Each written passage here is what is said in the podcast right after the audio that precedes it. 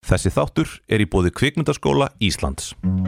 Curtains fall in November. Cover all that lies behind. Já, góðan og blæsaðan daginn, verið velkomin í Stjörnu Bíó, ég heiti Heiðar Sumarleðarsson, við erum að íbúði kvikmyndaskóla Íslands að vanda. Uh, í dag er það kvikmyndin The French Dispatch sem að, uh, við ætlum að taka fyrir og gesturum minn er uh, Snæbjörn Brynjarsson, Já, velkomin. má alveg setja sér stjórnum bíó og brennisteinn Ha, Stjörnu Bíó og Brennisteinn, já já, en ekki segja neinum frá því. Nei, ekki segja neinum frá því Já, og við erum í bóði Herjóls. Já, Uh, eða ekki. Uh, já, Bíóparadís já, S- eða sem sagt, uh, the, the French Dispatch er svona bioparadísar mynd en hins vegar er henni drift af sambíónum Mhm. af því að Fox Searchlight eða, sem, sagt, sem, heitir ekki, reynd- reynd- sem, sem heitir ekki lengur Fox Já. sem heitir núna bara Searchlight Pictures af því að Já.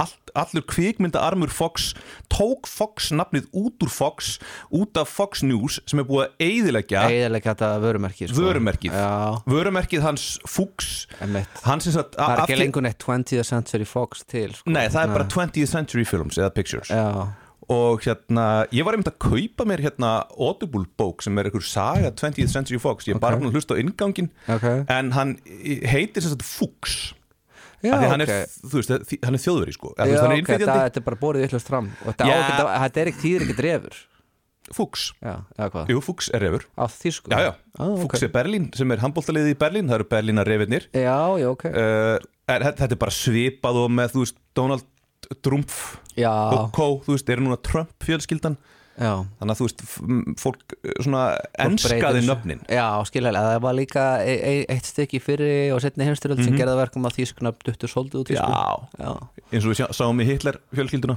já þessi engin, allir, allir sem margir sem merkilegt nóg sko með Hitlerfjölskylduna þau skiptum nafni, hættu að kalla sig Hitler en þarna ættingi sem sagt, hans Hitlers eh, sem bjóð þarna vestra og tók Hitler á nafni sínu, hann skýrði svon sinn engu að síður Adolf eftir stríð en það er merkilegt. ekkert að því nafni þú skilur, það er Íslendingar sem heita nei, Adolf ekkert að því að, að hafa þessu nafni sko. Nei. eða þannig, eða sko, eh, það, það er svolítið en það er fyndið satt svolítið skrítið að þú ert fyrrum Hitler Mhm. já, já, já, Og, og þú ert búin að skipta yfir í eitthvað Johnson eða eitthvað, heiti Já. núna Smith eða Johnson eða eitthvað, algjörlega ekki í þýskunafni Mhm.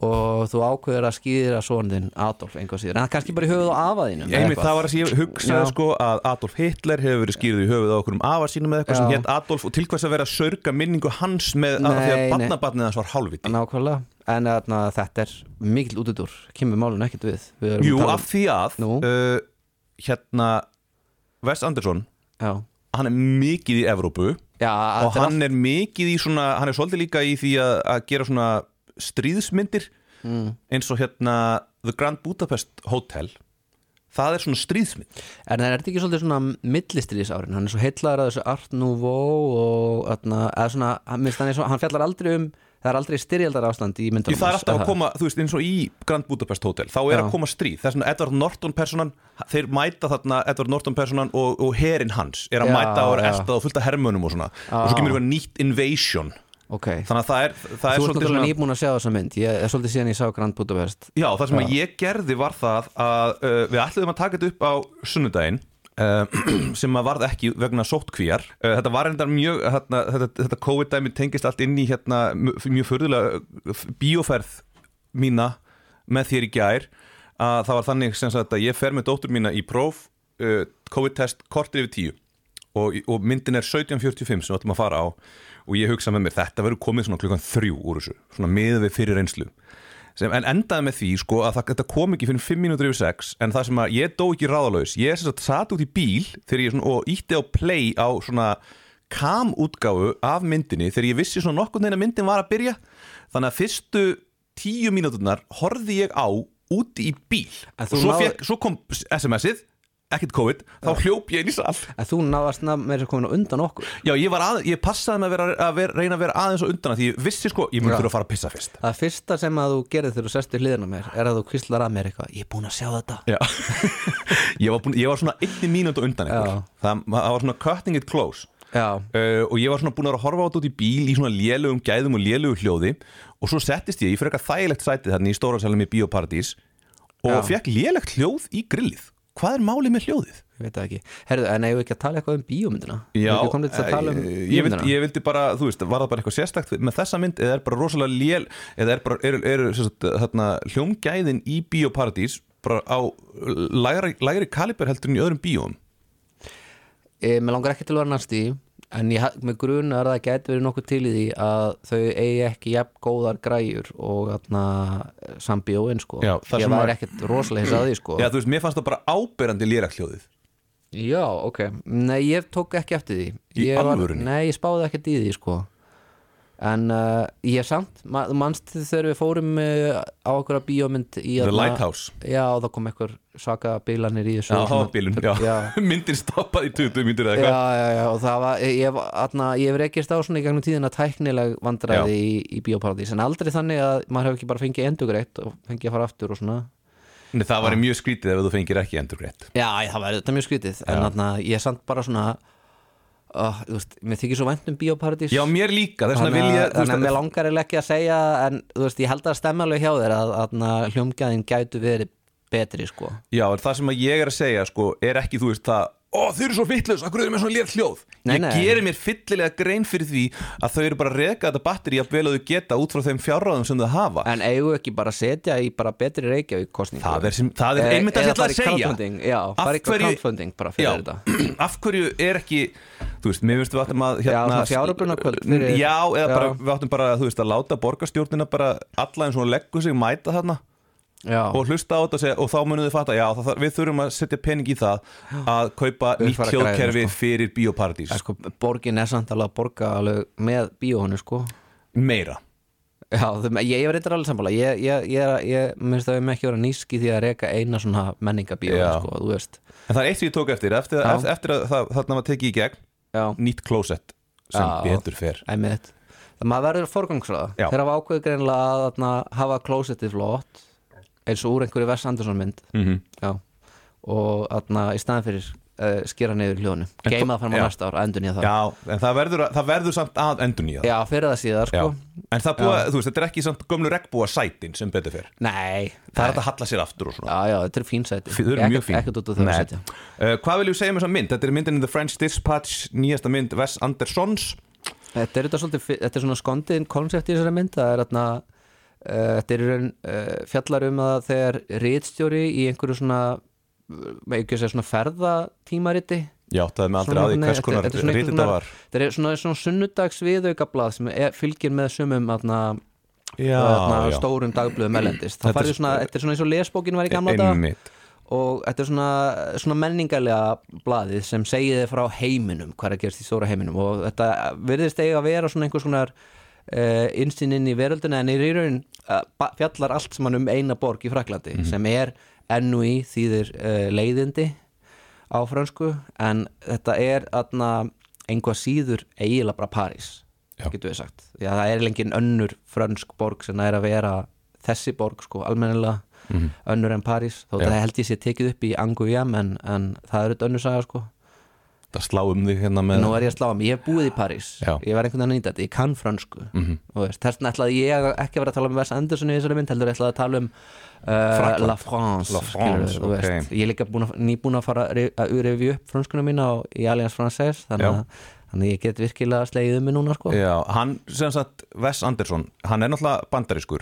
Eh, en hann er evróskur Hann er af evrópskum, sem sagt, uh, uh, þú veist, það er náttúrulega allir hvíti bandaríkja menn eru evrópskir, sko Já. Eh, Hann er af svona skandinaviskum, þýskum, skoskum, eitthvað svona ættum Já. Eh, En hann er í rosalega mikið í eitthvað svona evrópurungi Já, veist, hann elskar eh, líka eh, sko, hann er með einhver svona nostalgíu þetta er svona gamla Evrópa Mhm. Já. alltaf í myndunum hans En Eh, nostalgía, mér finnst það svo nostalgía sé, sé svona gagvart eitthvað sem þú upplýðir sjálfur en hann upplýði það ekki einu sinni Nei, nei, augljóslega ekki Hvað kallar maður Þetta er- Já, það er einhver, þetta er einhver stíl sko, Mhm. þetta er einhver sko en málið er sem við sjá, margt í þessari bók er eitthvað sem að, þú veist, við höfum lesið í sögubókum og er búið að kynna fyrir okkur sem mjög mikilvæg, svona stúdendaóðurinnar í París 1968, það er eiginlega kapli í þessari, eða þú veist, maður eiginlega segir kapli út af því að Mhm. það er ekki hægt að tala um senur í Wes Anderson myndum, þetta er svo bókmyndalegt þetta er svo rosa mikill sko, ég, þetta er smásagnasafn þessi mynd já, þetta er rosa mikill atna, að þú veist, mér líður samt eins og í, þegar ég horf myndinir hans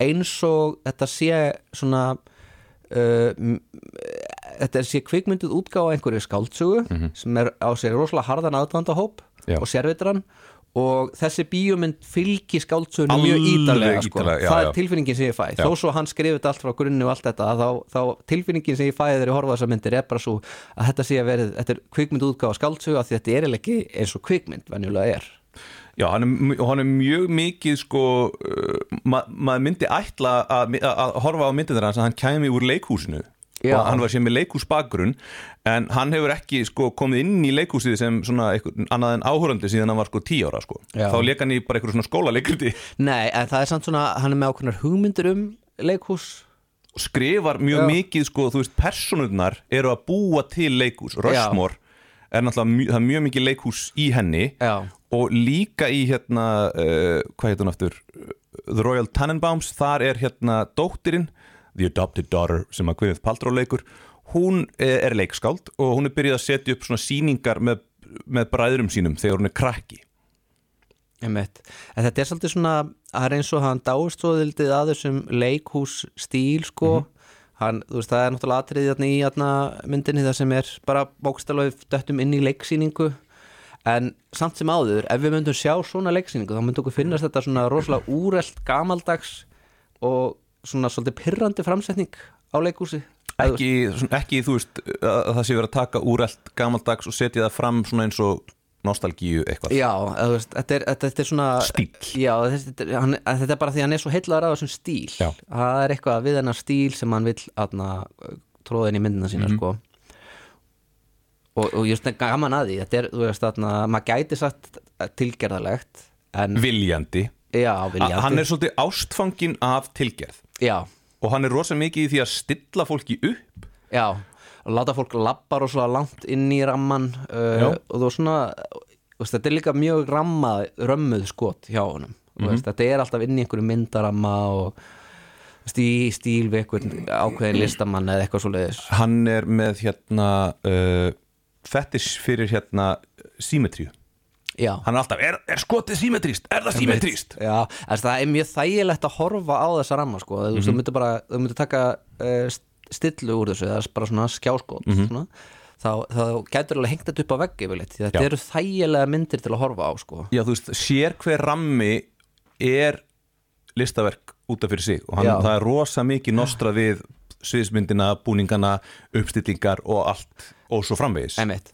En allavega, þetta fjallar sér um það að rítstjóri í þessu sunnudagsblaði svona, eh, þessu tímariti sem fu- greinlega fullt af fólki er áskrundur að út um allan heim og svona, og að vinsælt rit deyr og blaði líður undir lok en uh, þetta er svona eiginlega eins og síðasta blaðið eitthvað álíka Já. eins og ég skildi það og við stökkum í, í rauninni er þetta bara hvað, voru þetta ekki bara fjórar sögur cirka bát? það voru bara þrjár Það voru bara Þa- þrjá, það, það er smá kynning með Owen Wilson þar sem hann er á móturhjóli og er með svona ferðalýsingu á borginni já, svona að setja upp sviðið en það eru þetta engin saga í því og Þetta svo er- eru já. það þrjár aðrar já, Þú veist, þetta eru sko saga fólksins sem að, eða, eða bara svona glimpsur Já. af fólkinu sem að e, er á baku blaðið og svo þrjár sögur sem eru eins konar greinar í blaðinu Já, greinar eftir mjög sérstaka og sérvitra höfunda Mhm. sem atna, hafa einhvern veginn einhverja tengingu við efnið Já. en það er, þú veist, það er atna, eitt svona menningadálkur, getur við sagt eitt svona atna, pólitískur dálkur og eitt svona uh, hvað ég var að segja uh,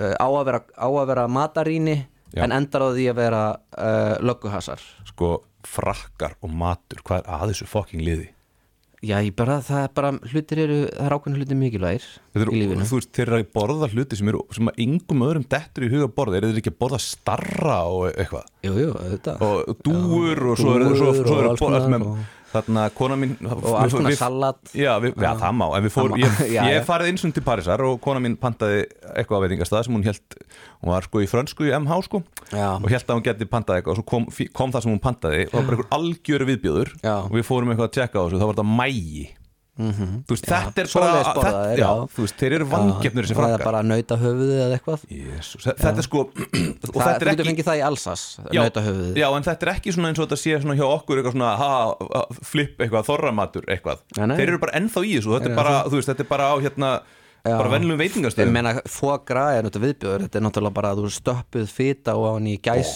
Oh. þú veist, þú veist bara að tróða fita á hann í gæs þetta er livurinn hennar springur og svo Mhm. Já. í- smirðu livurinn á hann á brauð Great eða bara þegar þú ert með öndina ofan í atna, fytu eh, dæminu atna, atna, já, ég er svo sem engin ég er ekkert einhver bilaður uh, franskra matagerðar áhuga maður en eins og heyrist kannski á því hvernig ég tala um þetta en, en nú samt eitthvað ljúft við þetta skilur við, góð vín og feitur matur þú, Eh. þú ert svona Parísar rungari eins og Ég meina, ég Wes bjó í- Anderson bjó í París. já, Hann Já. Eh. nefnilega býr í París ef, ef það Hann nefnilega er þar, situr þarna eh, í, á, Já. á, hérna, fí- á kaffihúsum við Já, búlöfverðinn já, og, og, já. við signu og svona og finnur innblásturinn koma yfir sig Emitt, já, trúið því Hann er svona náðingi sem vill, þú veist, að því að myndir þess fjallar og svo mikið um eitthvað fólk sem er að fara eitthvað annað Já. Þú veist, á framandi slóðir, þetta er svona náðingi sem að finnst hann vera, vera svona fættur, þú veist, á raungum stað og raungum tíma Já, en veistu, ef að ég væri leikstjóri, eða svona kvikmyndaleikstjóri Já. þá myndi ég örgulega gera svona uh, Wes Anderson bíómyndir Já.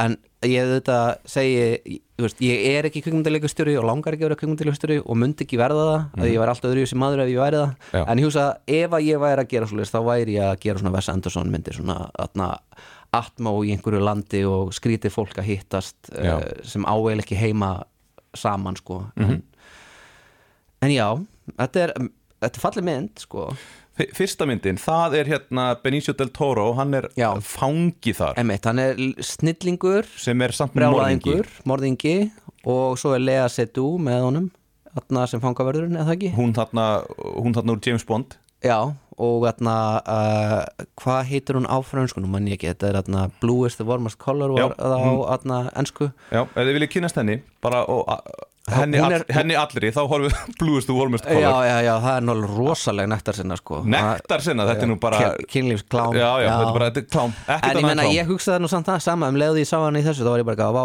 ennin á ferðina, tjúll eru menn skotnir í leiðu sko, Menn hennar ferðina, Efst, að því að hún er náttúrulega svo mikið nakin í þessari mynd sko já, innmitt Þa, Það, það er svona, já En þú veist, það er þetta, sko, það er þessi hugmynd um þetta franska það er, Mér finnst þetta svo skemmtilegt við að, þessa mynd en það sko, Vess er, er að fjallum sagt, þetta fjallar allt um Frakland skrifa frá sjónuróli amerískra höfunda sem koma í, þú veist, í blaði sem er í rauninni gefið út í Kansas sem er náttúrulega fáráleg staðsetning fyrir eitthvað svona, þetta, þú veist, þarna, þetta ætti í rauninni að vera New York Times eða eitthvað en þetta er Kansas eitthvað sennilega því að Andersson er svo mikið Kansas meets Paris Já, það er svolítið þannig og þetta er amirist sjónarótt á frakka þannig Mhm. að af því að af því að uh, ameríski leiksturinn hugsar þetta á að vera svona frönskmynd Já.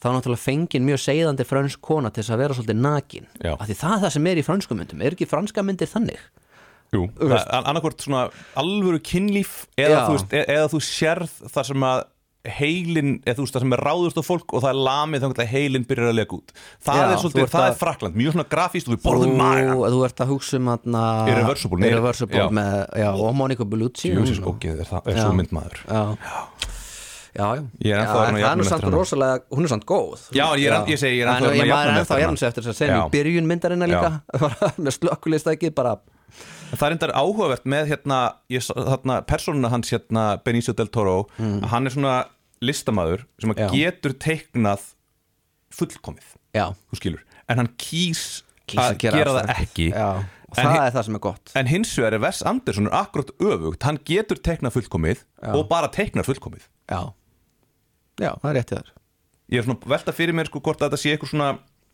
fantasía hans um það kannski að, eða kannski bara þorir hann ekki að fara út fyrir þægindara Sleppa mann sér, já, emitt, hann, lít, hann er líka sá maðurinn sem gerir þetta, hann er brjálaðingur Já. hann er morðingi, hann er bara snar E- e- og ef maður horfir á Wes Anderson Já. og svona, eh, heyr, hor, hor, horfir á hann tala og svona, að þá, þetta er ekki náungi sem er snar eitt eða neitt Nei, ok hann já, er mjög, svona, straight- streit, straight mjög típa. streit Já. náungi sko þetta er svona góðu strákur, þetta er svona náungi sem að fekk örugglega alltaf uh, tíu fyrir hegðun í skóla Já uh, Emmett, þetta er uh, hva, hvað fannst þér svo hvað, hvað það sagði að kemur fyrst að koma best út úr þessu sko? sko, uh, saga nummer eitt fannst mér eiginlega best af því að þegar hún var búin þá var ég bara eitthvað, ha, ha, er hún búin? Ég veit að fá meira mér fannst hún Já. ekki klárast, en ég, ég var með hinar tvær uh, já, ég veit ekki þú veist, með strákurinn og gamla konan og, og, Og- og og svo- stúlenda óeirðirnar og þessu, þarna, þarna sjáum við þarna, just, e, fangisissagan eh, hún er svona svol- svolítið um hvernig Amerikanar eru heitlaðir að þessu franska avantgard og, og millistrís árunum þegar súræðalistarnir Mhm. og Picasso og einhverju svoleiðis gaurar voru og, og, frakkar, og, og þarna, bandaríkjumenn basically kaupa þetta allt saman og Já. reyna að gera sínu og svona herma eftir því sko, eftir stríð en svo er það hitt, það er 68 uh, uppreisnin og það er ólega byluð rómantik í kringu það Mhm.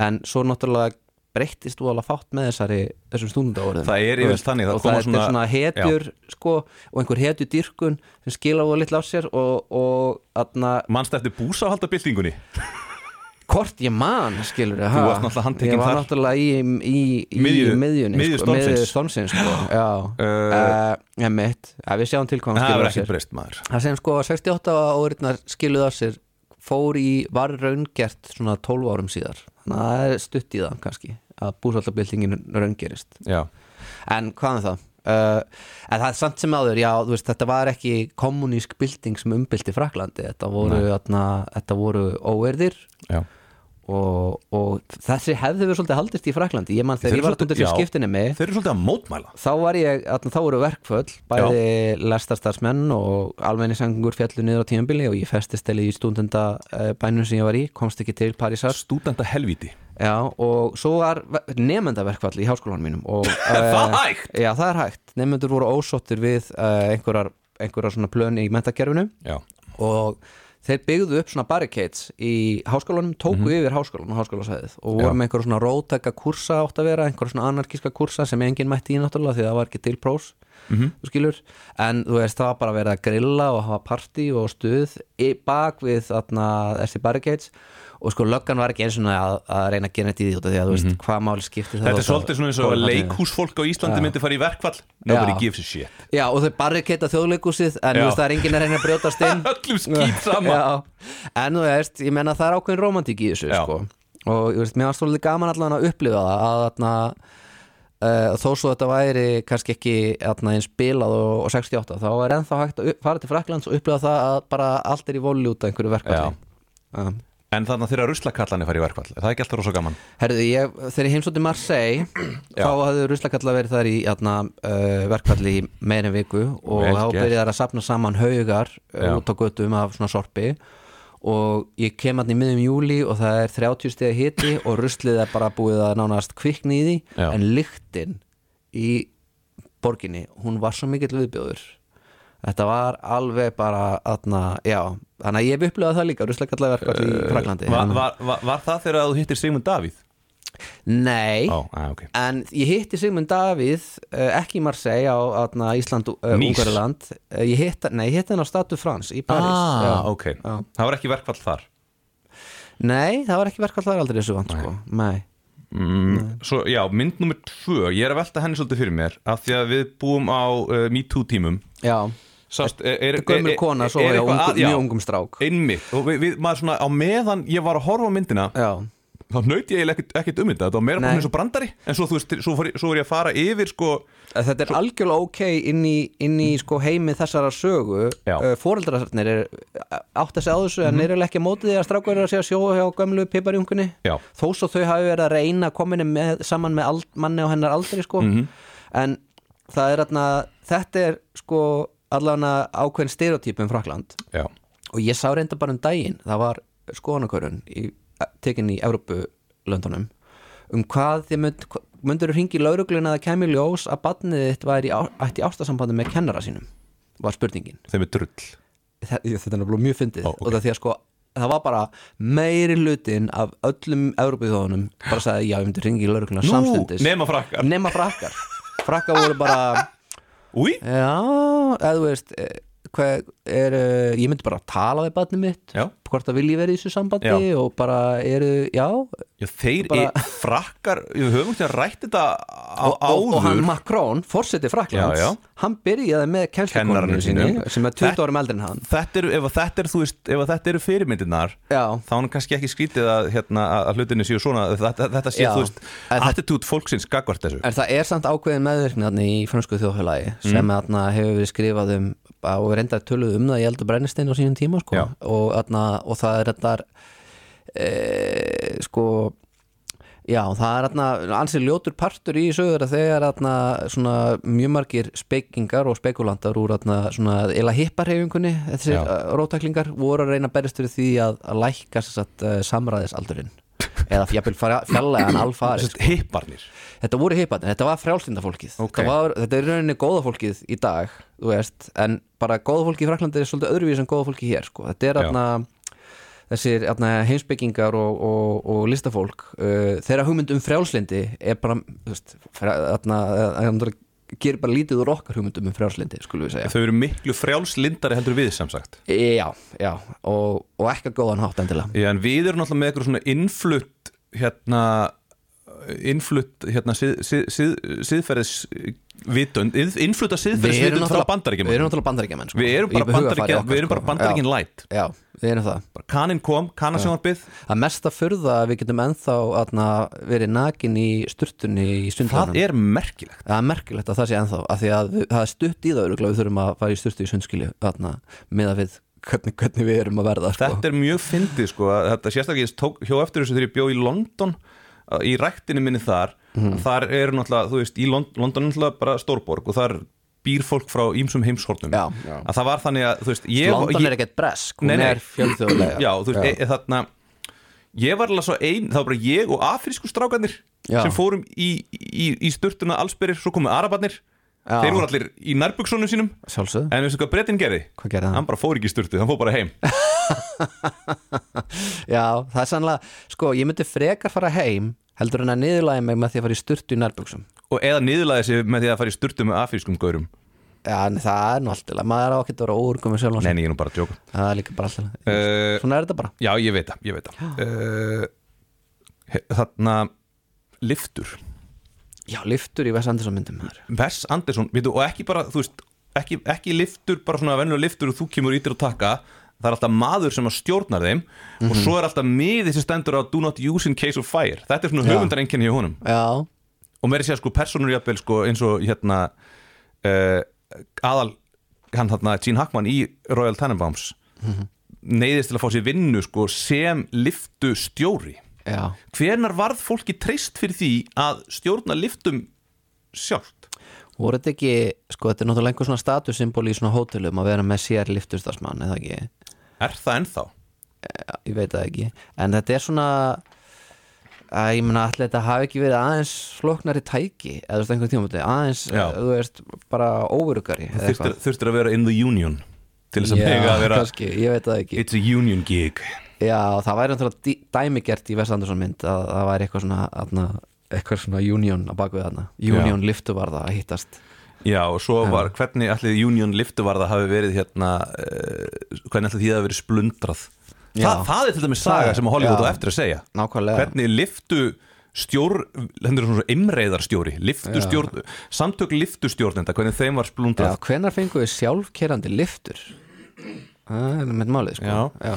En þarna, svo kemur þessi þriðja saga sem fjallar um hennan uh, þarna uh, superkokk áafællum hann um, þarna, að, að hann á að vera að lýsa að vera matargagrinandi og skrifa pistil um uh, besta lauruglukokk landsins sem er að elda fyrir já, lauruglustöð þess að ekki, hann er ekki lauruglumaður sem kokkar Nei. þetta er svo í, í þarna hann símin er, hann, er lögregl, hann er í lauruglu, hann er lieutenant en Já, hann, en hann er er hann, kokkur. hann er með stöðu en hann vinnur bara sem uh, kokkur og er, að, og er komin í hæst besta gigið sem er að elda fyrir lauruglustjóran og Já. hans að vinni og, og þessi blaðamaður er sendur til lauruglustjóran að borða með honum og ágreinlega gefa einhverja rýni á hversu frábæri þetta er og þetta endar á sem sagt að hann dregst inn í einhvern lauruglasar ég ætla ekki að rekja söguna frekar þetta er bara svona verður að svona löggu hasarmynd ég er með hugmynd Já, fyrir sjómarp símans löggurnar í eldhúsinu Já. af því að þeir, þeir eru með sko læknin í eldhúsinu Já. sem að stórvinur þáttarins Kristján Kristjánsson gerir Ok. á Akureyri uh, og þetta getur tengst inn í matarklúbin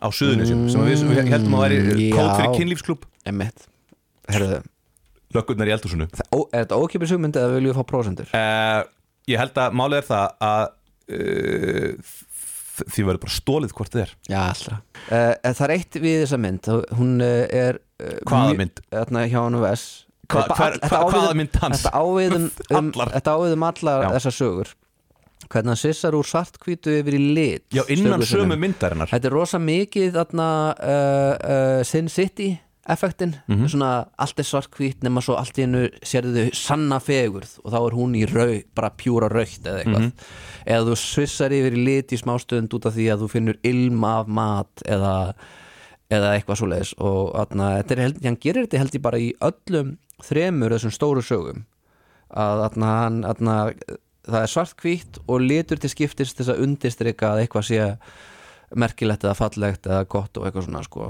uh, en samt eru það rosalega ólíkar í stíla að öðru leiti fyrst mér já mér finnst það er þarna mjög ó- ólíkt svona tempo eða svona, það er eitthvað svona uh, ég veit ekki, skemmtilega frá þetta eru náttúrulega öðruvísi, höf, öðruvísi narrator já sem kemur inn sko og þau eru mjög, mjög svona ólík en það er líka, þú veist, þessu þriðamyndin hún er, held ég bara að hann er að vinna mér rosa margt úr gömlum frönskum hasamyndum held ég svona, ég sé tvær eða þrjár og, og ég, mér finnst ég svona kannastu ímislegt í aðna, eins og stóra kortið af borginni inn í laurugustöðunni, mér minnir að ég hefði séð þetta í einhverju franskri hasamynd sko frá Já. 60 eitthvað hann er náttúrulega mjög mikið í því bara að endurvinna hluti úr öðrum kvikmyndum og öðrum listgreinum Já, og það sem ég var að sína þér áðan úr atna, Jacques Tati myndinni, Mononcle það er bara um leið og ég sá þess að senu þessum þjóttnin er að fara upp með matinn til rittstjórans og lappar upp mismundi tröppur og atna, í svona húsið virðist eða Já. hálf órökrétt því hann er að fara upp og niður og Já. á ská og allt þetta og, ég var bara, og þetta er lang skota sem kamera reyfist ekkert heldur bara hárið bara beint á húsið og þetta bara myndi mér svo ógeðslega mikið á þessa senu í eða byrjunina á Mononcle þar sem hann er að fara upp og niður og fram og tilbaka inn í rosalega flóknu gömlu húsi sko. ég myndi ekki kunna við að, að, að, að stela svona svakalega sko. Já, ég veit ekki, þú veist, maður getur náttúrulega að kalla þetta vísun þegar þetta er svona bílaslega Já. augljóst, sko en þú veist þannig við líka þegar ég var eitthvað að lesa um held ég úr Grand Budapest myndinni að það er bara einhver sena sem er bara bókstallega stólinn frá Hitchcock og, og, og þú veist kvikmyndatökumæðurinn er að tala um það Já, að ég Þú veist, meina, bara svona- þegar þú já. stelur frá Hitchcock þá náttúrulega vita allir að þú ert að stela, er Já. það ekki, þú veist, þetta er ekki eins og hann hafi grafið upp einhverja indímynd Já. á einhverju hátíð sem fáið sá og bara stólið frá þeim eh, einhverju eitthvað svona íslensk mynd sem st- fáir, fáir sá Já. steinstór fjölskylda eða eitthvað Já, það var rosalega nasti að stela af þarna. Jónas, Jónas Sigmars Já, það var eitthvað nasti, Já, sko þú En verður þarna- að geta heimilda Já, en með Hitchcock þá kannski bara sleppur þetta skilur Já. En, en já, ég meina en, en er það ekki bara svolítið augljóst að þetta er svona, hann er náttúrulega eins og allir kvikmyndaljóstar og svona kvikmyndanörd og svona Já. en hann er svolítið, kannski gengur hann svolítið langt í því hvað hann stælir þetta mikið myndrænt já, Já, þetta er svolítið já, svolítið mikið þetta er svolítið mikið en, sko. Já, En hann gerir þetta samt algjörlega að sínu eigin já ég meina, það er engin, engin vafa á því að þú veist að horfa á Wes Anderson mynd sko. Einmitt. Þetta er mjög einkennandi stíl og hjá það er manninum. líka sko eða enginn sem að þóra að stela því af því að þá er þetta bara eitthvað svona djúvilegt að rippa off á Wes Anderson Já, en hins vegar já. sem er kaltænin í, e, e, í því er náttúrulega svo hvað Wes Anderson er í rauninni mikið rippa off sjálfur af Já. einhverjum öðru listamann En hann er svona, þú veist, það er eins og hann sé alltaf að reyna að gera gamlar myndir Já. Svolítið, þú veist uh, þar eru hægari og og þarna, eiga þessi dramatísku skot og minna um margt á bara svona á bíómyndir eins og þar voru þú veist, fyrir nokkrum árantugum síðan -hmm. en eru það samt ekki út af því að þarna, það er eitthvað, eitthvað off off við, Já, þú veist, þetta er ekki alveg þannig já sko Eh.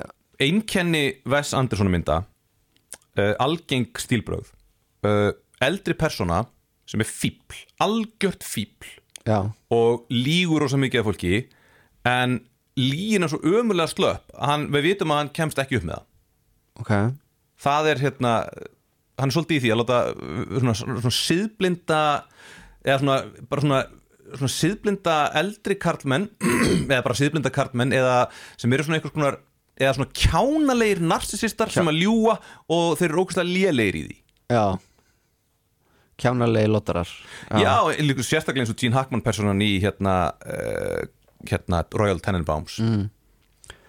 uh, svo, svo er hann, rosa- hann er svolítið mikið Og hver er þannig í, þessa, í þessari mynd?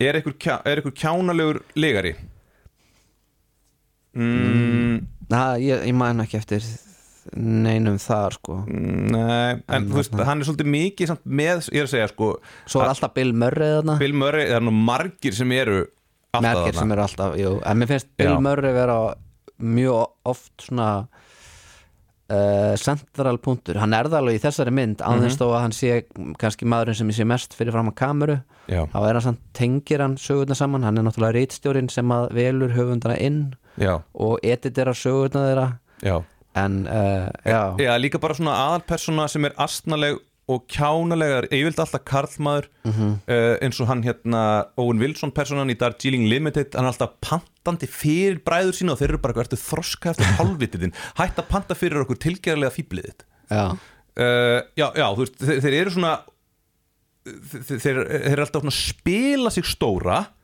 en það er ekki innistæði fyrir því. þetta er svo í Rushmore hann strákurinn er alltaf, að, hann Max Fischer er alltaf að reyna að spila sig sem eitthvað mm. sem hann er ekki, sem er kannski þú veist, eitthvað svona fantasía hjá uh, Wes Anderson hann er nú alltaf bara svona, þú veist, nörd sko, og hefur kannski verið með með eitthvað svona fantasýr um að vera þú veist, Big Guy and Campus, svalirinn, var já. það aldrei og hann veit alveg hvernig hann myndi fara eða hann myndi reyna sko já, já, þannig að þetta er, þetta er í rauninni svona uh, viðvörun já, þessi, þessar sögur hans svona cautionary tales, hvernig myndum maður að segja það á íslensku, ég mun að glemma það aðvörunarsögur, nei, það er, það er örglega eitthvað orð sem ég er búin að glemma uh, svo hann er alltaf með indverja oft svona mm. indverji og svo, og svo verður sér að fer hann til Indlands já, hann er svolítið hillaðar á Índlandi Já, ég meina að þú veist, eins og þarna gæin, hann er alltaf með svona aðstofarmann að þú veist, fýblið, mesta fýblið er síðan alltaf með aðstofarmann með Já. sér uh, ba- í, þú veist, í hérna uh, Royal Tenenbaums þa- þar, þar er hann með svona indverskan aðstofarmann uh, The Life Aquatic með Steve Sisu uh, þar er hann með hérna Willem Dafoe sem svona hundtryggan aðstofamann og svo kemur hérna Owen Wilson og svona sneika sér inn í það Uh, í Darjeeling Limited þá er Owen Wilson með aðstofamann uh, Grand Budapest Hotel þá er náttúrulega Bellboy mm -hmm. þess að, nei hérna uh, Hotel Drengurinn sem er indverskur já, þú veist, hann er líka hérna aðstofamaður hans þarna Gene Hackman í uh, Royal Tenenbaums, hann er líka indverskur já, en svo er svolítið fyndið með hérna Grand Budapest Hotel að hann er indverskur, strákurinn sem er aðal með honum hérna Ray Fiennes og svo er, verður hann gamall þá hættir hann að vera indverskur og verður allt inn í F. Murray Abraham mjög skrítið það er mjög skrítið því að hann er alls ekki indverskur Nei. hann er sko, hérna, mamman sér bara evrópsk og pappan sér sírlendingur já, en hann er samt eitthvað pínut okkur eða hvað, nei, en tölvöld langt frá því, þú veist, hann leik Salieri í hérna Amadeus, já þú veist, nei, það hann átti ekki verið indveri, nei eða sírlendingur hva, eða hvað þá, Já, það sírlendingur má gaggrina þetta svolítið þetta er svolítið Já, svona, Ah, svolítið svona hmm, hmm. ég veit ekki alveg hvort að þetta myndi fljúa núna í dag, sko Mm, Já, ég veit það ekki En þarna þetta en það- Þetta er alltaf rosa stórt svona persónugaleri hjá honum -hmm.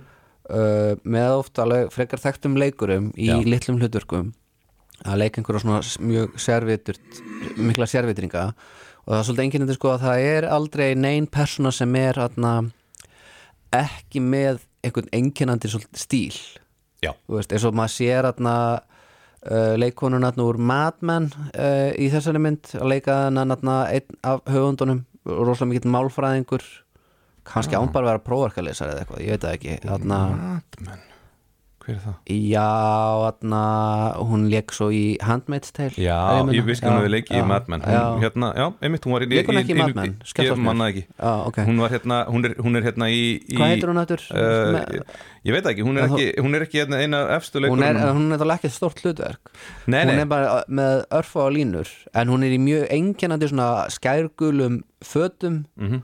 og svona, þú veist svona, uh, svona harðan uh, kennslukonulegan svip og, svona, og svo á hún alveg, þú veist, þetta er svona og og hver einasti litli karakter er bara, getur verið bara einhver, leikin einhverju stjörnu og verið bara alveg í rosalega svona flók flókinni búningasamsetningu eða eitthvað sko þetta er Já. að svona hugsa út í þetta er svo mikil smáður meðan hjá mjög mörgum öðrum þá væri jafnvel eitthvað venjulegt fólk í, í hluti af myndinni Hún heitir Elizabeth Moss Þetta vissi ég Elizabeth reyndar alveg, ég Moss, var bara, já, já, já. það, það var bara stólið úr haustum hann Ég man að múðalega fá að leikara sko, satt að segja Já, Já. Nú Eh, erfitt fyrir mig að að muna hvað íslenski leikarar heita mhm En hann er rosalega mikið í því að nota alltaf sömu leikarna aftur og aftur og aftur og aftur og aftur og aftur og Já. aftur og aftur og aftur Hann fílar eitthvað við andlutina þeim Já. sko. Ég held með líður eins og hann að nálgist leikara ekki út frá því hvernig þeir leika eða eitthvað svoleiðis heldur bara út frá hvernig þarna, Hvernig þið lít út í kameru í, og, þú veist, bara hvernig nefið þeirra er í læginu Já. eða eitthvað svoleiðis, hann sé að velja bara eftir nefstærð eða Adrian eitthvað líka. Brody, ég til dæmis með fyrir rosa stórt og skakt nef Já. uh, Sama meðan Owen Wilson, hann er með svona nef sem er búið að br- brotna rosalega um oft já, já, uh, Hann hérna, broti Bill- nef, hann já. er með galleri að brotum nef já, Bill Murray er hann ekki líka með eitthvað svona nef Ah, kartöflunef Já, en Benicio del Toro ég man ekki eftir að hafa séð hann áður í Wes Anderson mynd Nei, hann tekur alltaf öðru hvori inn einhverja nýja og ég, ég þetta var nú líka óvinni dark atna, karakter fyrir Wes Anderson mynd það er nú ekki oft sem að mm, atna, atna, brjálaði morðingir í myndum hjá nei, honum. þeir eru oft sko siðblindir já, en samt svona á léttvægan máta já, uh, en hérna sko ég hugsa alltaf sko svona varði gæ, varandi gæði sko ef, ef, að- ef að hérna Wes Anderson notaði þig aftur, í- aftur og aftur þá þýðir það að þú sem manneskja ert almennileg já, til dæmis eins og hann hefur bara notað Bruce Willis einu sinni já hann er greinilega ekki af því að Bruce Willis er alltaf fokkin klikkaður er er það, ég já, veit ekki hann er fokkin, hann er bilaður þekkir hann eitthvað já, ég hef vinnið með honum hann bara, la- ég myndi alveg láta hann eiga sig þú veist, hann nota, Willem Dafoe notar hann Já. aftur og aftur Við Lindu Fóu er náttúrulega almennilegur sko. en Já. hann er líka, Lindu Fóu kemur úr svona avantgard uh, hann, já, leikhúsinu sko. einmitt, hann er náttúrulega úr Hann- hann þessu New York kóp Ég er þarna. alveg vissum að þegar hann fer til New York hann atna, ves, að hann fer hann á síningu hjá Wooster Group Wooster Group var orðið sem ég, ég var að nafni sem ég var að leita eftir Já.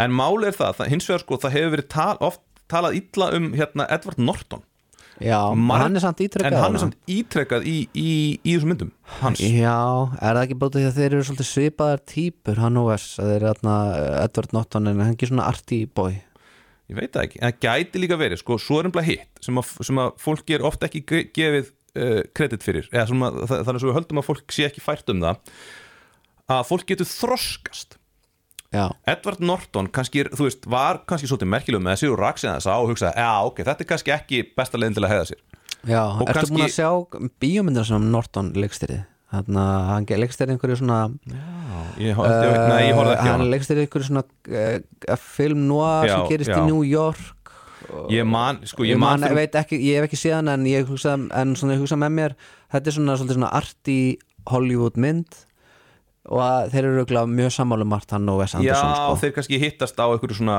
einhverju þannig level sko. mo- En Norton er- motherless, in New- motherless motherless Brooklyn en er ekki Norton og Anderson eh, nei, er ekki Norton alltaf að leika í Anderson myndum einhverju óþoka sant? hann er á- ég vildi ykkur svona uh, svona, er hann ekki svona officer eitthvað hann var svona Já. officer í hérna uh, í Budapest í Grand Budapest En Hotel Þa, þarna það er er hann, hann þarna, hermaður þarna er hann aðalbófin í þarna, þriðju sögunni þarna, Já. hann er þarna þú veist, að því hann er the chauffeur sem að er einu Já. maðurinn sem þarna, svo ég spóli nú aðeins eh, þarna, nei, nei, ég skal bara sleppa ég þarf ekki að spilla fyrir, hann er bara þetta- hann er bara einn af aðalóþokunum í já, myndinni en hann er svona skátafóringi í Moonrise Kingdom Já. uh, ég man ekki, er hann, jú, var hann í fleirum hann leikur tré í Rosmór sko, málið er það að þegar hann gerði Rösmór það hefði sett Wes Anderson aldrei geta fengið sko, Edward Norton nei, í hann, myndina hann fekk Bill Murray hann náði, málið er það að Bill Murray var í svona, hann var dræpats já, hjá honum og þetta, hann, hann hérna eh, hann las þetta handrið og bara, heyrðu, ég er til ég að gera þetta af því En að he- þú veist, hann var ekki að fá neinn tilbúð en hefur ekki heyrt samt um það að Bill Murray sé halgjörður asni Jú, ég hef margóft heyrt það Já Ég, þarna, þá afsannar kenninguna þeina því Bill Murray er í svo mörgum Anderson myndum Já, hann gæti verið að þarna Bill Murray sé bara svo þakklátur honum Já, fyrir að, já, fyrir að bjarga frama sínum Já, ég held að sé þannig, þetta, þetta er náttúrulega þannig þú veist að það er náttúrulega mjög auðvelt að vera almennlegu við fólk sem að gerir það sem þú vilt að það gerir Já, en ég held að þetta, ég með mína kenningum Bill Murray að hann sé almennilega guð því að þarna Er hann ekki bara húmóristi? Fólk Mér- miskilur það Mér, mér, að veist bara, að hann er bara svona að það er bara eitthvað svo viðkunnulegt við hann ég vil ekki trú hann en ítlu upp á hann sko. Já, en, en þú veist en hvað, sögu- hvað, er ekki sögutunum Bill Murray bara að hann sé hrókafullur og dónalegur, er það ekki bara sagan? jú, en er það ekki bara svolítið svona eh, karakterin, hann er bara svolítið að vinna með þann karakter Ég getur bara vel verið Hann kom einnig einu svona listáttið Já. Ég er ekki að spila á cello eða eitthvað hár. Þetta er Já, ég man eftir því. já, ég, já, já. En ég, fá- ég heyrði enga sögur það en að hann hefði verið eitthvað leðilegur sko. Nei, en í- þú veist, þetta, þetta er sko spurningum sko hvernig þú bregst við þegar fólk gerir hluti sem að þú þér líkar ekki bregstu við eins og, eins og astni eða ertu bara já, já, vinnur og Já. ég held að þeir séu sko uh, þú veist, eins og hérna Bruce Willis hann lagði Kevin Smith í einelti þegar Kevin Smith var að leikstýrunum í hérna eitthvað, einhverju löggumynd þú veist, hann lagði leik, þú veist, hann er Já. náungi sem að leggur leikstjórun í einelti ef hann fýlar hann Já, ekki Og Wes Anderson er Er það ekki bara það, Wes Anderson er svona þannig lúði að hann hefur bara örugglega fengið að finna fyrir því hjá Bruce Willis Nei, ég held að, að þarna, já, ég veit það ekki að kannski, en samt, samt þú veist, gæ- gæti verið þannig að, að uh, hann sé, sé það mikill lúði að hann beri sans á, að hann hafi sans fyrir því að leggja hann ekki einhaldi mm. ég veit það ekki, Ná, ég bara, ég hef ekki hugmynd að hann- hann hugsi bara að hann myndi bara brotna Já, já ég, nú veit ég ekki Nei. Þetta er, atna, ég, ég, ég þekki þetta fólk ekki nógu mikið til þess að en hefur Quentin Tarantino nota Bruce Willis aftur? Ég man ekki eftir því Nei, Ég held og ekki. Quentin Tarantino er líka svona típa sem notar Já. ka- leikara Aftur og ít- aftur, og aftur. Ítrekað. Já, Já, það er, ma- þú veist, fólk talar mjög mikið um það að Bruce Willis sé asni já Já Já, nú bara veit ég ekki En hann, eins og það fekk hann alveg fjóra eða fimm dæjartmyndir Hann Já, getur ekki það... það- að gefa alls varnað Já, en, þú veist, það er bara, þá er hann bara andlit á einhverju franchise Aldrei sami leikstúri Með að Renny Harlin var hann að nummið 2 John McTiernan, uh, hver var hann hann skipta alltaf út leikstjórunum Já, að, þannig virkar það sko þú veist, er, er einhver leikstjóri sem er alltaf bara eitthvað, já, tek Bruce Willis aftur Já og það segir líka bara sína sögu að þú veist hjónabandi hjá þessari löggu er alltaf í óli sko. já, byrju, þá var John McTiernan 2 var Renny Harlin, hinn finski hvað heitir hann aftur í dæjartmyndunum? Þarna- John McClane Mm. John McClane já, John já. McTiernan kom aftur í sko Die Hard 3 Ó, ok uh, hann hefur hann hefur svona fallen on hard times eins og við já. segjum. en þú veist, já, ég veit ekki En hvort hver það er sé besta dæjartmyndin? uh, 1 og 3 1 og 3, já, það eru aðna Magtírunar myndinar já, sem eru bestar já Já, Hún er nefnilega svolítið leynir svolítið á sínum með þrjú Hún er svolítið skemmtilega sko viðbótin með þú veist Samuel L. Jackson sko. Já, það var hann sé mjög komið svona skemmtilegt. partner til að svona Já. spila með sko. Já, það var svolítið nöðsilegt á já, þessum tímanbúti það þurfti að koma já, það þurfti að koma eitt svona Danny Glover inn í sko. Já, þetta og var ekki Jeremy Irons og óþókin eða Jú. eitthvað Jú, og það var alveg skemmtilegt Já.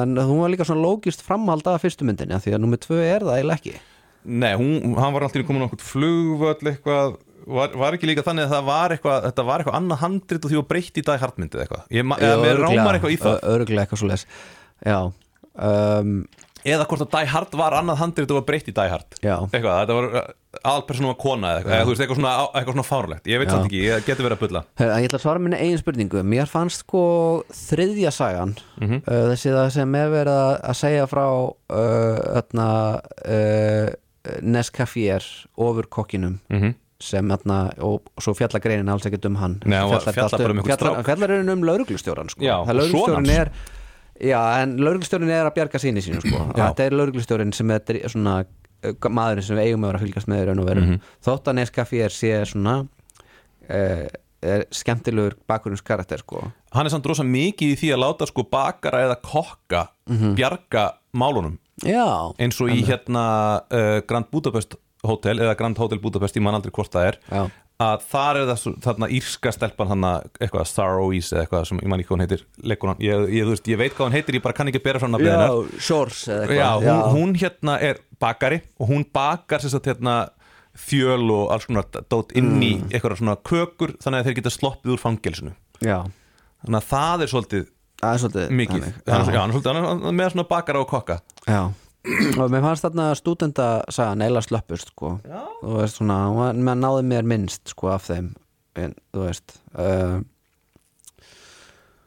En hver, hver var eiginlega tilgangurinn með þessu bara svona y- yfir yfir höfuð var, þetta, var, myndinni var, var, var, Mér var hann ekki finnst Mm. svolítið svolítið- svona þú veist, what's the point, verður hann ekki svona, þú veist, svolítið svona sundurlaus eiginlega Já af hverju þessar þrjár sögur sko, af hverju þetta, af hverju Af þetta hverju blað þessi, já, þú veist, mér, finnst hvað- það sem mér fannst vanta virkilegin í myndina var að mér fannst vanta eiginlega fymtu söguna, það er svona kynningin að, í gegnum Owen Vinson og hans lýsingu á borginni sem allt gerist í Já, þar voru eiginlega of langar Já, síðan komu það þrjár eða alltaf langar sögur ö, eftir sitt gott pennan og Mhm. það eru ma- margt gott um þeirra að segja svo vantar eiginlega svona eftirmála sögu einhvers konar þar sem sko í raun og veru hefði við átt að læra aðeins meira um Bill Murray rittstjóra karakterinn sem allir er að syrkja og Já. fá einhvers svona svör við spurningum hann er svona mysteriuskaur við vitum ekki af hverju hann bannar uh, grát, af hverju hann segir alltaf no crying og, Já, af hverju já. hann, og það er margt svona í þessum karakter sem er svona einhver spurningar þarna og manni líður svolítið eins og að því myndin byrjar á því svolítið bara að við kynnumst þessum rítstjóra því að hann er dáinn Já. og að það verða að segja minningagreinans og það vantar bara inn eitthvað þú veist, þetta er þetta er, þetta er, veistu hvað, þetta er nánast þetta er eins uppbygging og Citizen Kane í raun og veru þar að segja mikil menni deyr og myndin byrjar á svona frétta uh, skoti eða svona frétta uh, inslægi sem er að segja "Ah, mikil, me- mikil mennið er dáið, nú er allt Já. breytt og við viljum aðeins að rifja upp hérna æfi hans og svona og svo, svo farið að skoða blaðans og, Nema, og svo vitum við ekkert meira um manninn en svo, þú veist, er ekkit æfans rifið upp Það er bara talað um að, þú veist, æfi, Nei. hluti úr æfi og, einhver annara og þetta hefði svo sem ekkert átt að vera um, þetta hefði svo sem ekkert átt að vera Citizen Kane um hennan Bill Murray karakterin að þetta Nei. samt að ég alveg vilja að fá að vita smá öðna, þú veist, ég, ég, ég vil- vil vita hvað No Crying er á sama máta og ég vil vita hvað Rosebud er Já, þú veist, og ég fæ ég vita hvað Rosebud er Mhm. í, í Citizen Kane en ég fekk ekki að vita það þarna og, og það er svolítið svona Rosebud var náttúrulega bánsinn hans nei það var sliðið var það ekki Já, ég veit, ég er að tjóka Var Þetta það var, ekki? þetta var í hérna, uh, þegar, þegar hérna The Simpsons gerðu já, já, já. þarna, þarna Bobo Bobo! og svo þarna var klift yfir í Homer sem, og ha- ha- já, hann, já, það var þannig að, að þarna, eh, Mr. Burns var að dreyma hann var martröð og hann sagði Bobo, Bobo eitthvað, og þarna hann sagði, og Smithers kom og sagði, hvað hva var það að dreyma? Hann sagði, ó Ah, Lobo, Sheriff Lobo ah, Af hverju voru að taka þann þátt af dagskrá Svo klift yfir á Homer Simpson þar sem hann er að dreyma martröð Lobo, Lobo, bring back Sheriff Lobo sem var vist ekki frábær þáttur Nei.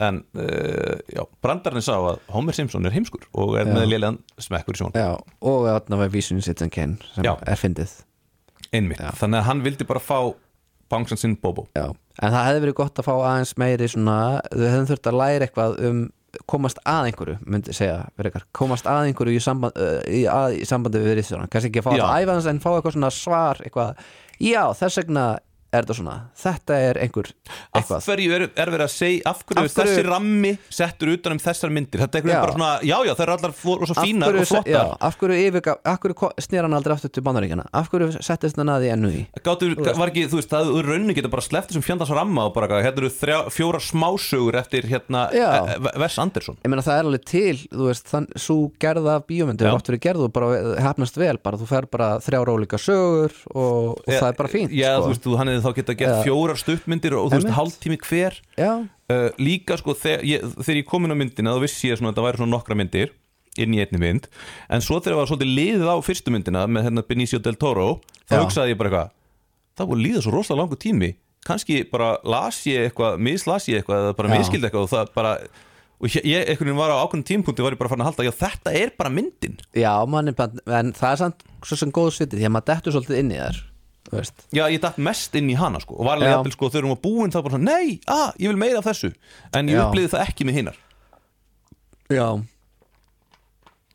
þannig að já, nei, þú veist, já, þú veist að uh, hún er, ekkit, hún er heldur ekkert að fara að taka inn þú veist, hún er ekkert að fara að fá okkur óskarsvelan til að minningar sko nei, nei en ég reyndar, mér fannst, ég skemmti mér vel á henni, mér fannst þetta ég, atna, ég fílaði sko stílinn og atna, ég bara hafði gaman að, að atna, veist, þessum sögum og þessum stælum og mér finnst líka bara svo fyndi bara hvernig Amerikanar uh, sjá Frakland sko já, Þú veist, af því að þetta er ekkert Frakland þetta er Mhm. bara svona ameríska útgáfan af Fraklandi eins og þeim finnst svona Þetta er frak, svolítið- vera Frakland eins og Eurovision myndin þetta er bandarinska útgáfan Já. af Íslandi Já, emmitt, þetta er, þetta er það og, og það, það er eitthvað svo geggjað við þetta land ég vildi óskast að þetta land væri virkilega til sko. þetta Frakland, sem það er ekki til Eða, Þetta Frakland er ekki til sko. eða var það kannski Nei, það var heldur aldrei til þú Ok. veist, ég meina Nei, það var aldrei til, í raun og veru þú veist, þetta er atna, uh, þetta er, var all- allan aldrei svona stíliserað já, þú veist Nei, ég meina, Frakland er uh, Frak, eh, við höfum svo romantíska mynd af Fraklandi sko, eh, frakkar eru, eh, þetta er jafn ruggla land og bandaríkin sko bara öðruvísi, Al, já, bara fókt upp að annan máta sko við erum líka bara fucked up á okkar máta Ég veit það, ég menna ímyndin af Íslandi er ekki hún, að Ísland sé fókt upp sko en atna, Við fórum og settum alla bankamennin í fangelsi og það eru allt orðið, allt orðið rosa gott á Íslandi núna Já Og við, já, og við erum þetta núna bara í lópabeysu og þarna, þú veist, erum, erum að fara að yrkja ljóð um leið og við hættum útsendingu og erum alltaf út í náttúrunni Alltaf að fá út í náttúrunni. innblástur Já, að spjalla við álana sko Já, helviti Sigurós Já. Þeir byggu til þess að, jú, Björk er líka svolítið svona eitthvað Björk er seg, mest Já. seg held ég Björk byrjaði þetta og Sigurós held þess að áfram Já. Svo var alltaf að og vera nú spilum við hinn bara með Já. og svo þú veist, var alltaf að reyna að tróða hérna á Monsters and Men inn í þetta líka já það er sko, og bara, þú veist, þau bara, eitthvað, nei, við erum, þú veist, ekkert út í náttúrunni, við erum bara garðabæðu skilur sko, já, sko reglulega reyna einhverjir ungi listamenn að, að stokka á þennan vagn skiljanlega því að það, þetta er eh, besta leiðin til þess að búa til peninga úr íslenskri list en uh, það tekst hjá Sára að fá mjölusla já, já. Sigurmúlarnir, þeir reyndi þetta líka, sko og svolítið eitthvað í kerinu og eitthvað svona Aha, og Já. ekki sigurmúlandi meira punk sant? Jú, en þau eru samt svolítið að spila spila þennan leik, sko já, nú skal ég ekki segja uh, en, en já hvað, eru við ekki bara búin að Jú, kofra jú, þessa eða mynd þú nokkurn veist, veginn, ég, er sko? samt, ég var ekki alveg búin Ég- með upptalninguna á hérna einkennum S. Andersson mynda Já, ég með nok komdu nok með- nokkur komdu með fleiri einhver einkenni. Það er yfirleitt alltaf einhver sem að stelur eiginkonu eða kærustu einhvers eða reynir að stela eiginkonu Já, eða kærustu ok. einhvers og A- A- Angelica Houston leikur yfirleitt þessa konu ok Owen Wilson, hann slasast alltaf Já, já, uh, hann er mjög ofta móturhjóli hann er á móturhjóli uh, þú veist, hann hérna er slasaður í hérna uh, þar dýring limited þar, þú veist, hann er alltaf með hérna þú veist uh, þú veist svona sárabindi hérna utan um hausinu og eitthvað, svo tekur hann það af sér og fara hann allur út í svona örfum og það- hann reyndi, og þá þú veist eitthvað, hafði hann verið á móturhjóli og reyndi að fremja sjálfsmorð Já, en það tókst ekki og svo hérna í endan á hérna uh, Royal Tannenbaums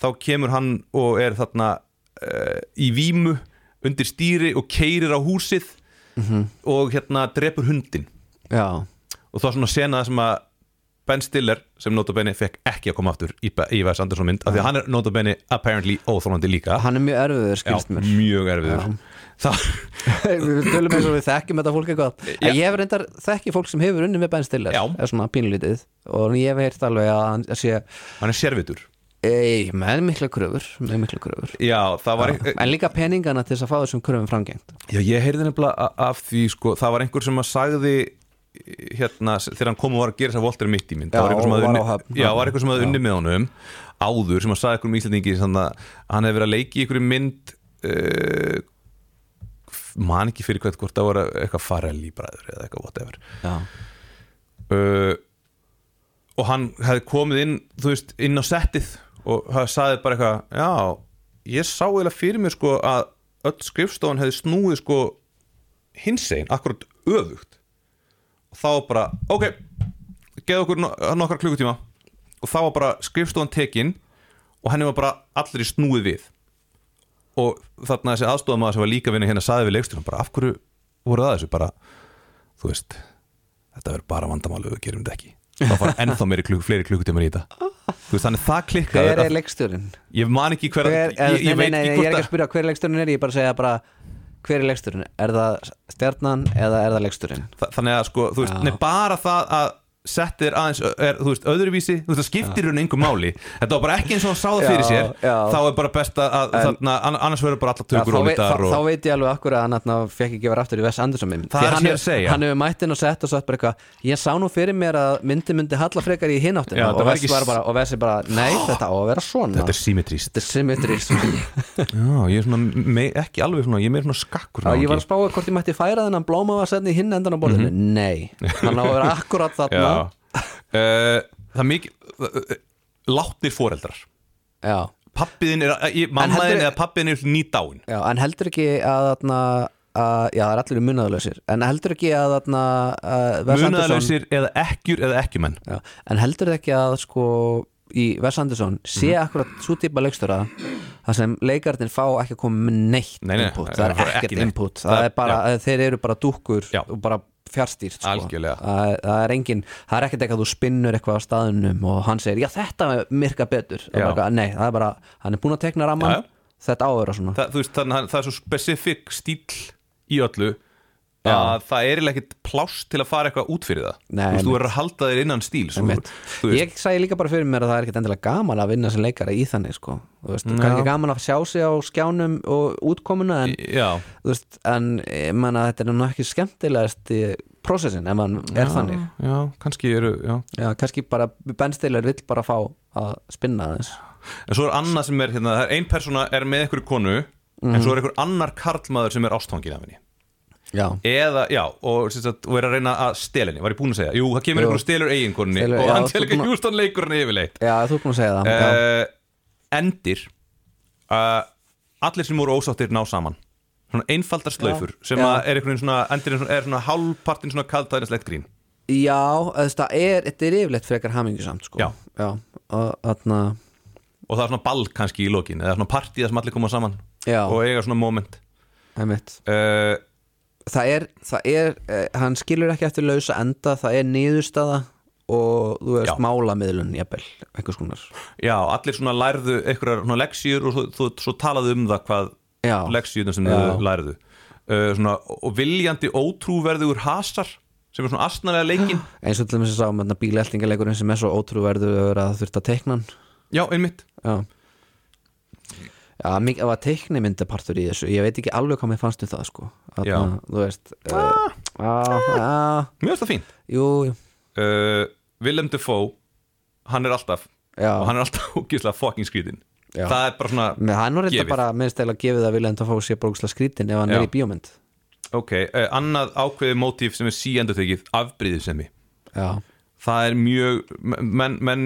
eru, það eru karlmenn sem eru mjög, já, sem eru afbríðisamir já.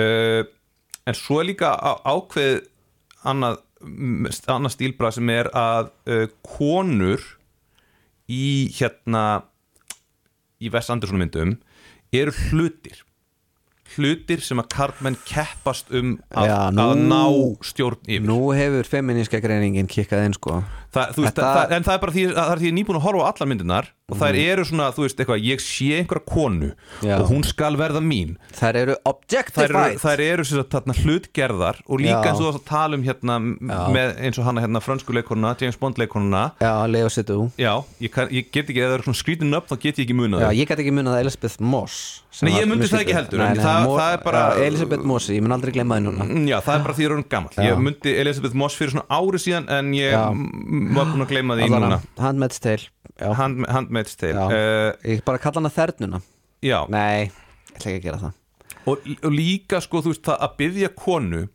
sem er ekki í sambandi með þér að Já. giftast þér Já. Þann, það er í hérna Royal Tenenbaums, þá kemur personum sem Danny Glover leikur og byður Angelica Houston þú ert að hugsa um þarna mitt þarna Benin Sidú del Toro og Leo Sidú þarna fangi fangaverðar eh, sagan Já. Það er þarna stö- stöðugt hún er verið svona nakin og hann er alltaf að gera eitthvað svona Já, uh, og hann elskar hana og Já. hún er eitthvað svona, ég elska þig ekki já uh, samáðu með Rushmore að þá hérna uh, hann hérna Max Fischer er 15 ára hann er skotin í kennarunum sínum þetta er svona einhverjum fantasía, hann langar til að vera í Fraklandi og hún er bara eitthvað, þú ert fucking 15 ára hálfvitinin láttu mig í friði og hann er ógeð og hann er stolkar hana Já, þú veist, hann er bara svona allt óheilbrygt allt óheilbreyttu þetta það er svona, ó, svona þessi óheil, mjög óheilbreyða hegðun er afskrifuð sem grín eða svona, þetta er fyndið það er sama með þú veist þessi óheilbryða hefðun með þú veist eins og Francis McDormand og svo strákurinn að maður svona kemur út eða þú veist maður horfir á þetta og er bara já þetta er rosalega fyndið en svo, svo þegar maður svona kannski veltir í fyrir sér setna og maður svona neða þetta er bara frekar creepy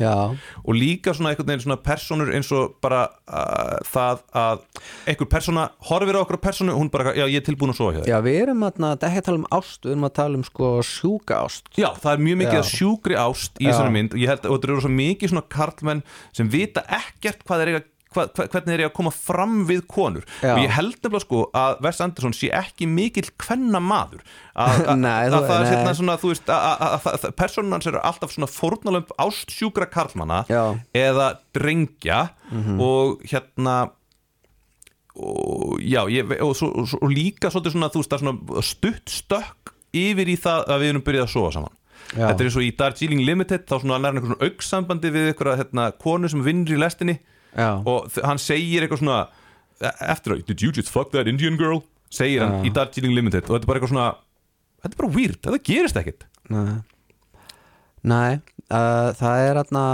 já, hann er- þetta er kannski ekki bara mjög sannfærandi hvernig hann skrifar svona sambönd eða svona, Þetta, þau, þetta er alltaf óheilbrið sambönd já uh, en, já ég held, hann, vit- hann, ég held hann myndi ekki vita hvernig hann ætti að nálgast konur þannig að hann á erfitt með að skrifa þannig að hann slæði bara upp í djók sko, Já. samböndin Já, finnst þér hann að skrifa konurnar illa í þessari mynd að bara, ég velti upp að því að sko það eru tveir sögumenn sem eru kvenkins og Já. það eru að, að þessum, við við skulum afskrifa þessa Owen Wilson sögu því hún er svo stutt hún er bara 5 minútna introduction á mm sögusviðinu Mhm. Já. uh, Eh, og síðan eru það aðna, þrýr sögumenn það eru tvær konur og einn samkynnuður kallmaður ok er það ekki? Mhm. og þarna, þannig að það, það tveir þriðja myndin eru kvenkins narratorar að segja frá uh, kannski er hún aðeins meira ábyrrandi þarna uh, pipparjungan í, í miðjukablanum Já. Mhm. stundundakablanum en eru þær illa skrifaðar þessar uh, Það, þú, veist, sögukonur þarna, þú veist, hún er ekki eh, eins og hún hérna franska Já. stelp, pe- personan hennar já. þú veist, já, hún er illa skrifað hún er, hún er, varla rauninni par bara, karakter, þú veist, já, af því að sko af því að hann er svo mikið í svona uppstillingum Já. og hvern personar í myndunum eru oft bara uppstillingar líka já, það eru þú veist, já, hún þeim er, er, stilt upp sem einhvers konar hérna, það eru viðfang einmitt einhvers, bara svona eh, Emmett. þarna þrá Já, þú, þú ert bara já, þú ert bara komin í þessa þú ert komin í svona harða feministka greiningur hérna á Vestandarsálmyndum eðlega já, Me, að, þú veist, Mér það er gott- líka gott bara er. það að hérna, uh, af því ég var eiginlega, ég náði að sjá þær eiginlega flestar já, í röð já. bara þú veist, ég, þannig að þú komst þar í niðurstu að Vestandarsson er kallremba hann er ekki beint Karl, ég myndi ekki segja að hann veri Karl Remba en ég held að hann bara skil ekki konur já, já, ég er ekki það að segja þetta- að ég skil ekki konur það þú er, skilur. það er auðvitað tvent ólíkt sko. Já. já, þú veist að hann er, hann er að segja sögur Já, já. frá eh, þarna sjónarhorni Karla Já, já. sem Já. eru lúðar og nörd og það er búið að segja þeim konur hafa ekki áhuga á þér þannig að Já. þeir veit ekki hvernig er að nálgast konur þannig að Já. hann veit, personur hans veit ekki hvernig er að nálgast konur en hann hefur náttúrulega líka svo gaman í að skrifa sérvitringa, það er náttúrulega, þú veist, það er engin venjuleg manneskja inn í sögum hans heldur sem haga sér eðlilega, fólk Mhm. er yfirleitt svona eins og þau séu um, öðna, um, þú veist uh, hvað ég var að segja, þau eru eins og þau séu ha- einhverf stundum eða með Asperger eða Já. með svona, þú veist, svona eh, með, eh, séu ekki að pikka upp svona Um, félagslega já, já, einmitt, vísbendingar. einmitt. Það, er engin, það er engin sko, það er rosa lítið um trúverðug ástarsambönd það er, Já, þú veist, það, það- er bara, ma- einhver mætir og segir, Já. viltu giftast mér en við erum ekki einu svona par, Já. en ok, ég skal giftast og þér ef maður analýsirar sko samskipti bara almennt í þessum myndum þá eru öll samskipti út í hött skilur Mhm. Og sam- Svö- svör og atna, Já. viðbröð fólks er make ekki sense sko. En ég held sko, þú veist, hann gerir sko, þú veist, og það er oft dýft sko í þessum þarna karlasamböndum já, á meðan hann virðist eiga rosalega erfitt með að gera einhver svona dýft í samböndum karla og kvenna já, já. Þa, það er eitthvað sem að- ég myndi Ég vilja sjá hann er hann gift vinna með, já hann á konum hann á konu Já. og er, hvað er lengi saman það er bara, þú veist er, er hann, hefur hann gift sig oft nei, ég held, Nei. Hann, ég held að þetta sé eina konan sem hann hefur kendur við sko. Já, hann já. náði henni og bara hann náði henni ég, og bara- loksins, hann er svolítið svona eins og strákurinn í Rushmore hann bara Já. fann sér já, hann sko, Max Fischer er öruglega í dag, ef hann er- væri raunverulega persóna þá væri hann öruglega giftur sko stelpunum sem hann kastaði þarna í hlutverkið í Vietnam leikandinu sínum já, nú, eh, ég bara já, ég sé rösmur á einhvern Já. tímanbúndi en eh, það er svolítið síðan sko Já, já svona asísk stelpa sem Já. er með hann í skóla sem er svona, hún er skotin í hann sko greinilega Já. og hann, þú veist, einhvern veginn uh, f- þú og veist, hann hundsar það bara hunsar það, þannig svo ástangin að kenna hann sko, já, og svo þú veist, kastar hann hana í leikrit og svo er hann að sena það sem að, þarna, það sem að þau e- eiga að kissast á æfingunni og hann, þá svo, svo bara köttar hann og senna og segir, they kiss og bara, þú veist, s- gerir það ekki sko hún Já. segir eitthvað, kiss me baby Já. they kiss, are we done? já já, Þetta eru svolítið svona náungar sem að uh, finnst, eða svona sumir þeirra er, eru svona langar til að vera kvenna ljómar en eru það ekki og eru rosa hrættir við konur sem að ég, þú veist, ef ég, ef ég horfi á hann þá hugsa ég að hann er hrættur við konur já, uh, og hann, það var ein kona sem að einhvern veginn, sem hann svona bara rampaði inn á að ná einhverju sambandi við og hann er giftur henni þetta hefur einhver kona sem sikta hann út tók hann bara og, Já. og var bara Hey, þessi heppin Wes og- Anderson, bara ég Já. tek hann. já, tek, Já. tek eitt svona Anderson tek eitt, eitt svona Já. lúða já, já það, er, það er sem betur fyrr einhverju konum áhuga á lúðum sko Já, hvar væru við annars? já segðu Herðu, ég held að þetta sé fín loka orða ekki að við séum fucking lúðar Já, en uh, þú veist, mér fannst þetta alveg ágætt mynd en, ég, en það mér fannst nú vant einhverja svona uh, mér fannst nú vant einhvers konar svona uh, ástæðu til að vera til Já, þú veist bara að segja mér með, eh, klára uh, það, það sem hún eiginlega lofa mér í upphafi að segja mér eitthvað um hennar rittstjóra tilgangur sem og rammi segir mér eitthvað svona já, Að, þú veist, af hverju þessar sögur já, þetta, þetta, er, svo, þetta er svo handahópskent fannst mér já emmitt uh, þú veist, en hún er, Eh. hún er falleg eins og allar Vessandarsson myndir já, en þú veist, ég, maður, þetta er eiginlega- Wes Anderson er, eiginlega- það, það er alveg orðið þannig við, við vitum alveg að Wes Anderson myndinar eru rosalega fallegar hvernig það líti út og En allt þannig mér- og það er, hann, er rosa, hann er rosa sniður en þannig að þá er maður byrjaður að byggja um ég vil meira en mér svona yfirleitt skilur finnst mér myndirna hans ekkert vera neitt sérstaklega góðar sögur sko. Já, ég hef einmitt. ekkert eitthvað Hans- hef, hef ekkert verið að kveikja á þeim sérstaklega og, og svona, mér, mér leiðist ekkert á þeim en mér finnst það ekkert eitthvað svona uh, þetta, er ekki, þetta er ekki sögur sem sitja í mér eða,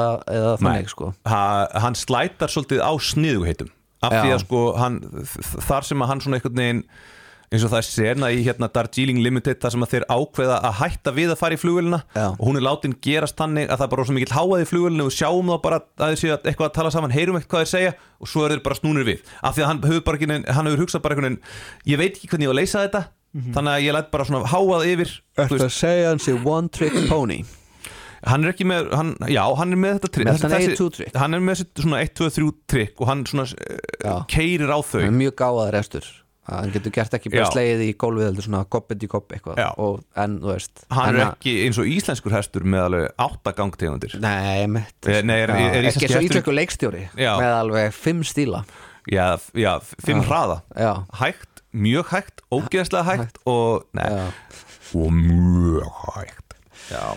já.